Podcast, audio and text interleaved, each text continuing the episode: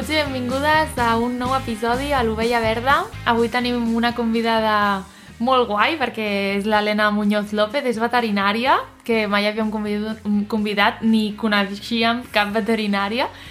Eh, llavors, eh, també és agent rural.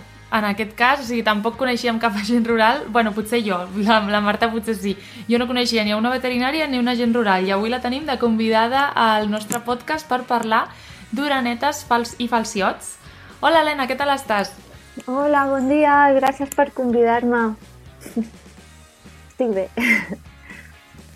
Ens pots explicar una mica a què consisteix la teva feina? Vale, jo treballo actualment a la comarca del Barcelonès i tenim feines molt variades, però mm, cada any tenim més incidències de, relacionades amb aquestes espècies que són migratòries i, i venen a reproduir-se a, a, a les nostres ciutats i pobles, que són els falciots i les orenetes. Uh -huh. Uh -huh.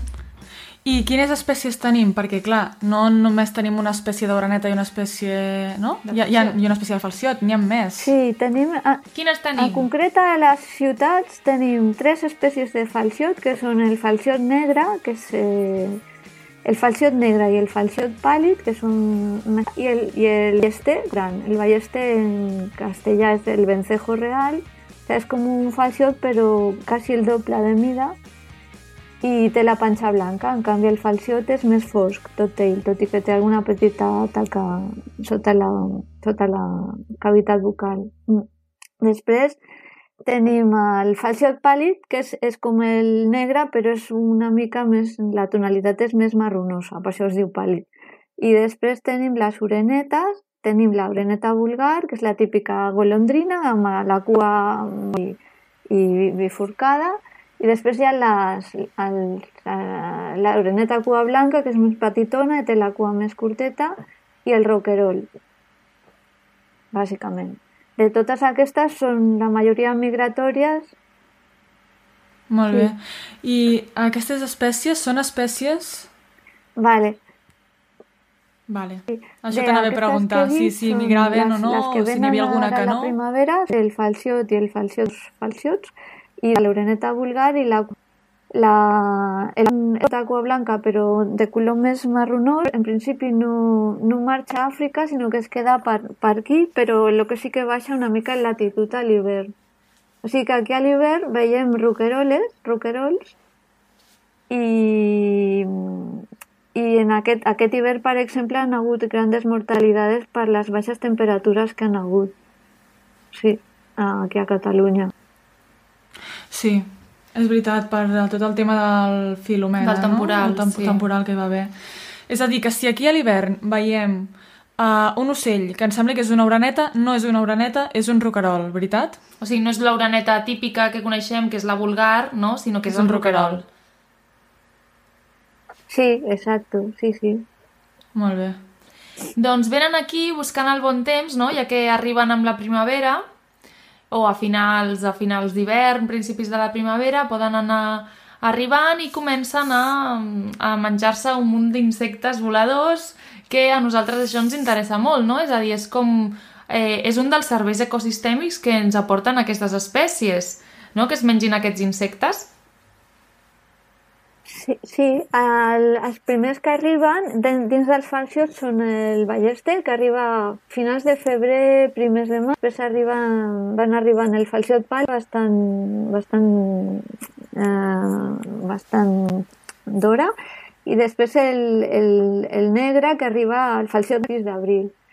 I les onetes van arribant entre tant, també arriben a mitjans de març, a principis d'abril, i tots, tots ells mengen grans quantitats, bueno, són insectívors estrictes, o sigui que mengen només insectes i mengen doncs, insectes plagues per l'agricultura, mosquits, el mosquit tigre, és, és, a dir, mengen insectes que a nosaltres ens, ens molesten o ens produeixen danys al, als cultius.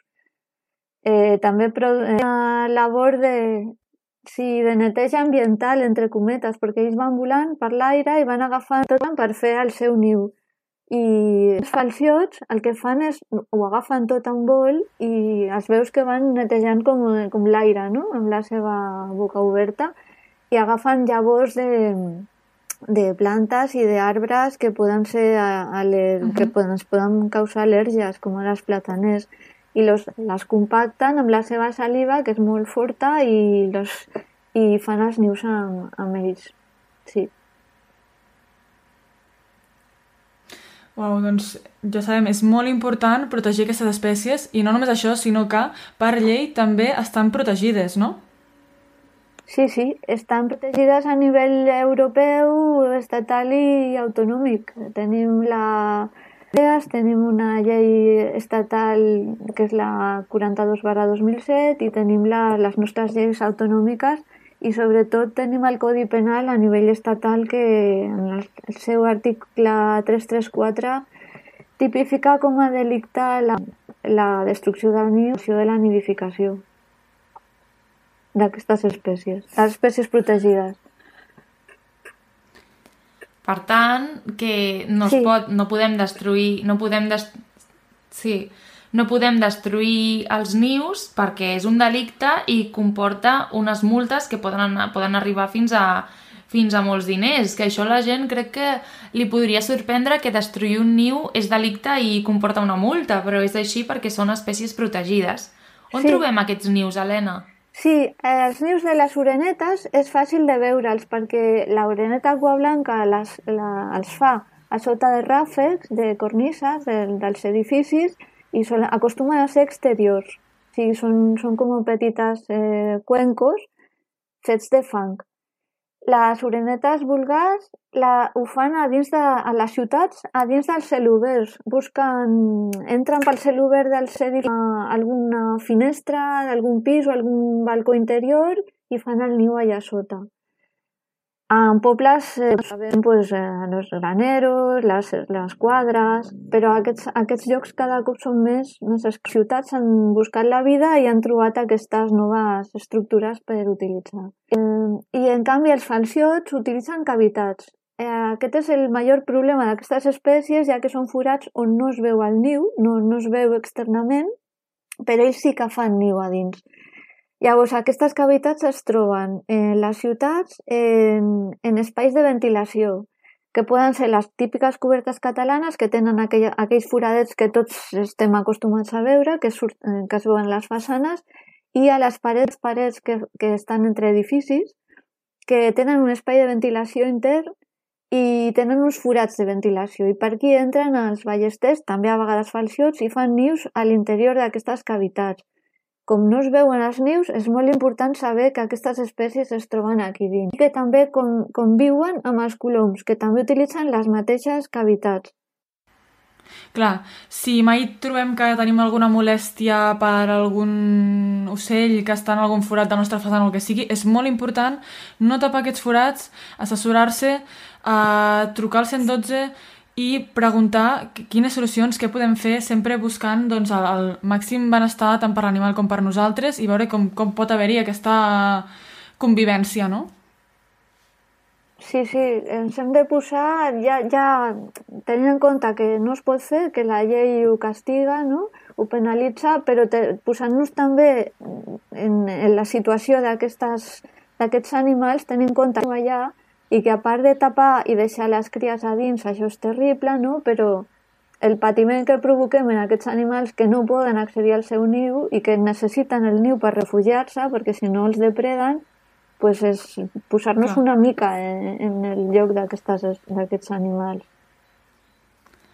Clar, també és molt important, bueno, es- està passant ara bastant que hi ha molts edificis antics ja, no?, que tenen aquests forats a les seves façanes o en aquestes parets que, que comentaves tu, que s'estan, doncs, uh, s'estan o revestint aquestes parets o s'estan mm, tirant i aixecant altres parets i llavors és important que a l'hora de fer aquestes actuacions es tinguin en compte, es tingui en compte la biodiversitat urbana, perquè en aquests forats on ens pensem que potser no hi viu res i viuen, eh, hi viuen espècies que estan protegides i que són importants i que o estiguin protegides o no, és important tenir-les en compte per, per doncs, fer noves actuacions arquitectòniques o fer nous edificis, noves parets... Sí, sí. A part d'aquestes espècies que hem parlat, és necessari, sí que també ocupen aquestes cavitats.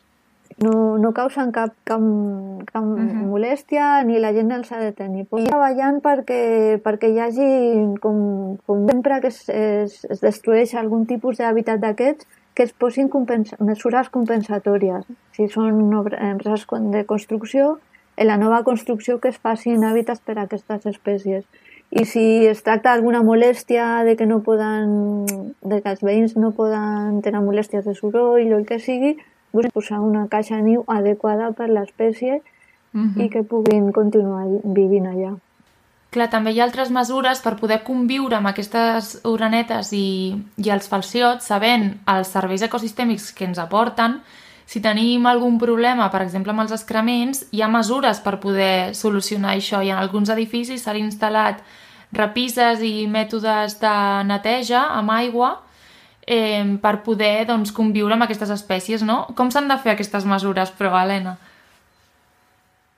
Bueno, les, aquestes mesures són molt útils a fer amb, algun, amb la supervisió d'algú que entengui de l'espècie, perquè a vegades volem fer un bé i fem un mal, perquè si les lleixes o les plataformes que es posen es posen molt a prop dels nius, serveixen perquè depredadores com les garces, els xuriguers, allí la plataforma per, per menjar-se les cries del niu. O sigui que sempre ens hem d'assessorar per algun expert que conegui l'espècie sobre la qual s'ha de, de fer la intervenció. Clar, i si ens trobem, i per exemple la gent, que sempre ens agrada parlar de, del que pot fer la gent al respecte, a part de no destruir els nius o avisar al seu veí si ha destruït un niu, dir eh, que sàpigues que això és delicte, no ho tornis a fer, si us plau, perquè a més eh, els mateixos, l'espècie torna cada any a aquells nius, a, a, a ocupar aquell niu. Potser no els mateixos individus, però de la mateixa és a dir, família. Si, si hi ha un no? niu, sempre estarà sí, ocupat. Exacte. Llavors, a part de no destruir els nius, eh, si ens trobem un poll eh, o, o sigui, un poll. Un pollet. un pollet, un poll. Si ens trobem un pollet o un adult al terra, el que hem de fer és avisar, no? Avisar al 112 que segurament es faran càrrec perquè són espècies protegides. Clar, què hauríem de fer? Bueno, el primer que hem de fer quan trobem un animal al terra és recollir-lo, perquè si no el recollim, en una ciutat l'acabarà passant alguna cosa dolenta segur. Llavors s'ha d'agafar amb, amb cura, de sobretot protegir el seu plomatge, d'agafar-los pensant que són animals fràgils, que tenen molt poc pes i, i agafar-lo amb un drap o si tens una caixa de cartró en alguna botiga que puguin deixar alguna, una caixa de cartró on càpiga perfectament que les plomes no es dobleguin i que no estigui molt apretadets a la tapa. Observent al terra de la caixa i si, si, si és possible donar-li unes gotetes d'aigua a la comissura del bec, sense forçar-lo. El millor que podem fer si no en tenem d'aus és trucar al 112 i em diran què has de fer amb aquell animal, on el pots portar. Hi ha unes clíniques col·laboradores a Catalunya on es deixen aquests animals i després els passem a recollir. Eh, no se'ls pot donar ni llavors ni, ni qualsevol aliment d'aquests que tenim i només mengen insectes. Són estrictament insectivos. Qualsevol altra cosa que els, produ produirem Llavors volia comentar una coseta que heu dit abans, que podem fer, també és molt important. Si tenim coneixement dels nius, doncs eh, mm, avisar les autoritats de que hi ha un niu allà, perquè hi ha censos sobre espècies protegides, i també si veiem que s'està destruint alguna mm, construcció on sabem que hi ha nius, avisar també al 112, al 112 uh -huh que és gràcies als ciutadans aquells que ens avisen que hem pogut actuar en moltes ocasions. O sigui, és, és un paper fonamental el, de, el del ciutadà que vol, que vol ajudar en aquest aspecte. Molt bé. Poc el jo que no s'ha de fer mai cosa... és, és ah. agafar... Sí, Digues, no, això mateix volia dir jo. Et volia preguntar això mateix, deixar molt clar el que anaves a dir. Si vols ho pots dir tu mateixa. Sí, no, el que no hem de fer mai, perquè quan un ocell, cau, un ocell cau, ha passat alguna cosa. I el, la, la, aquesta altura popular que dius un falsot al terra, l'has de posar la mà, aixecar-lo i tirar-lo a l'aire, això no s'ha de fer, perquè generalment quan cauen tenen algun cop eh, o estan molt dèbils o tenen senzillament feia molta calor i s'han deixat allà perquè no podien més, o són cries que encara no volen sí que pot passar a vegades que casualment cau algun adult i sí que es pot deixar anar, però s'ha de saber s'ha de fer una exploració primer, a veure si té alguna ferida, si està bé de pes. Eh, és a dir, això ho ha de fer una persona que, perquè no, qualsevol no, no ho sap fer, això. Llavors, la, el favor que li podem fer és això que he dit abans. Col·locar-lo en un espai adequat i trucar al 112. Doncs moltes gràcies, Helena, per tota aquesta informació. Ens ha encantat tenir-te aquí de convidada i espero que a la gent doncs, també li hagi agradat i, i hagi pogut aprendre de tu. Moltíssimes gràcies per venir. Merci. Molt, moltes, moltíssimes gràcies a vosaltres. Que vagi bé. Adéu.